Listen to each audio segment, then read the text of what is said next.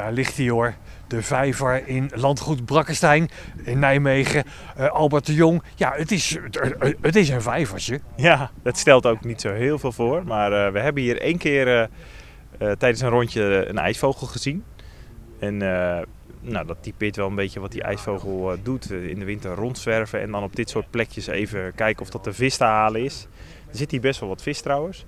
Um, maar het, het, is ook wel een druk, druk bezocht park. Dus misschien dat hij het hier toch iets te druk uh, vindt. Ja. Het water is wel mooi helder. Daar houdt een ijsvogeltje van. En uh, die rietstengels uh, aan de zijkant. ja, dat zijn ook ideale uitvalsbasis om, om het water in te duiken. Precies wat een ijsvogel wil, hè? Ja, die overhangende stengels, takjes. daar gaat hij dan op zitten. En dan kijkt hij naar beneden. En dan duikt hij. Ja. Het gaat heel goed met de ijsvogel. Ja, ja. Het is van oorsprong een, een vogel uh, die halverwege de vorige eeuw vooral nog in Oost-Nederland langs beken uh, voorkwam. Maar hij heeft zich gaandeweg echt uitgebreid over een groot deel van Nederland. En ehm, we hebben natuurlijk de laatste pakweg 20 jaar bijna geen echt koude winters meer. Um, en dat betekent dat die ijsvogel daar gewoon van profiteert. Ja. Ja, ja, dat moet je dan toch even uitleggen. Want net als met het winterkoninkje wat we net besproken hebben, die niet tegen de winter kan. Een vogel met de naam ijsvogel, nou die kan wel wat hebben in de winter, zou je zeggen.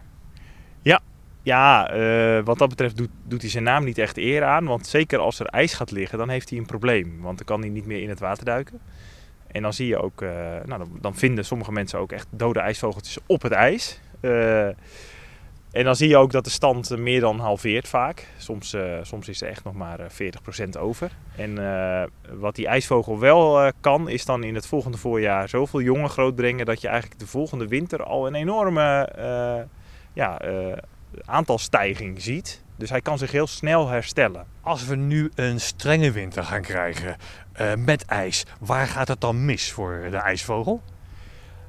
Nou, dan, gaat het, dan kan hij geen voedsel vinden. En uh, het zijn dus vogels die niet ineens honderden kilometers gaan vliegen naar het zuiden op zoek naar warmere streken.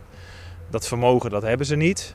Um, en uh, uh, dan blijven ze hier en dan, ja, dan vliegen ze gewoon dood. Ja, want hij eet alleen maar kleine visjes. Ja, ja. En als er ijs ligt, dan kan hij niet bij de vis komen. Ja, dan is het gewoon klaar. En dan, hangt het een beetje vanaf hoe lang het uh, vriest, hoe lang er dus overal ijs ligt. En wat je dan wel ziet, is natuurlijk dat ze nog wel plekken opzoeken waar uh, open plekken in het ijs zijn. Dus, dus waar het water een beetje stroomt. Of langs rivieren waar het niet helemaal dichtgevroren is. Daar gaan ze dan vooral naartoe. Dus ze gaan wel een beetje zwerven. Maar op een gegeven moment houdt het natuurlijk op. Dus uh, vanuit ijsvogelperspectief uh, liever geen Elfstedentocht winter. Ja, toch weer die prangende vraag. Wie noemt een ijsvogel ja. dan ijsvogel? Ja, volgens mij is inderdaad die naam. Ja, volgens mij zijn er twee mogelijke verklaringen voor. Uh, ijs, dat zou van een Germaans woord komen dat, dat op blauw slaat. Op, op de ijzerkleurige, blauwachtige kleur van de ijsvogel. Uh, maar dat is niet helemaal zeker. Uh, en de andere verklaring is dat, dat het toch iets met ijs is, namelijk dat hij daar niet tegen kan. Ja. Maar uh, uh, daar is men het niet helemaal over eens, dat is niet helemaal duidelijk. Maar ehm, het levert wel weer een verhaal op, deze onlogische naam. ja. Ja. Kunnen we de ijsvogel helpen in onze omgeving? Nou, wat sommige mensen gaan doen als het eh, vriest, gaan ze hakken wakken. Ja. Uh, en dan uh, zie je dat daar bijvoorbeeld meer koeten op afkomen, maar ook wel eens ijsvogels. Maar je moet dat wel op zo'n grote schaal gaan doen. Dat uh, wil je die ijsvogel echt helpen. ja, dat is, daar is bijna geen beginnen aan. Maar op zich is iedere poging natuurlijk meegenomen. Ja. Dus dat is mooi. We kunnen toch beter hopen op een niet zo strenge winter voor de ijsvogel. Nee, laten we het voor hem inderdaad hopen. Ja. ja.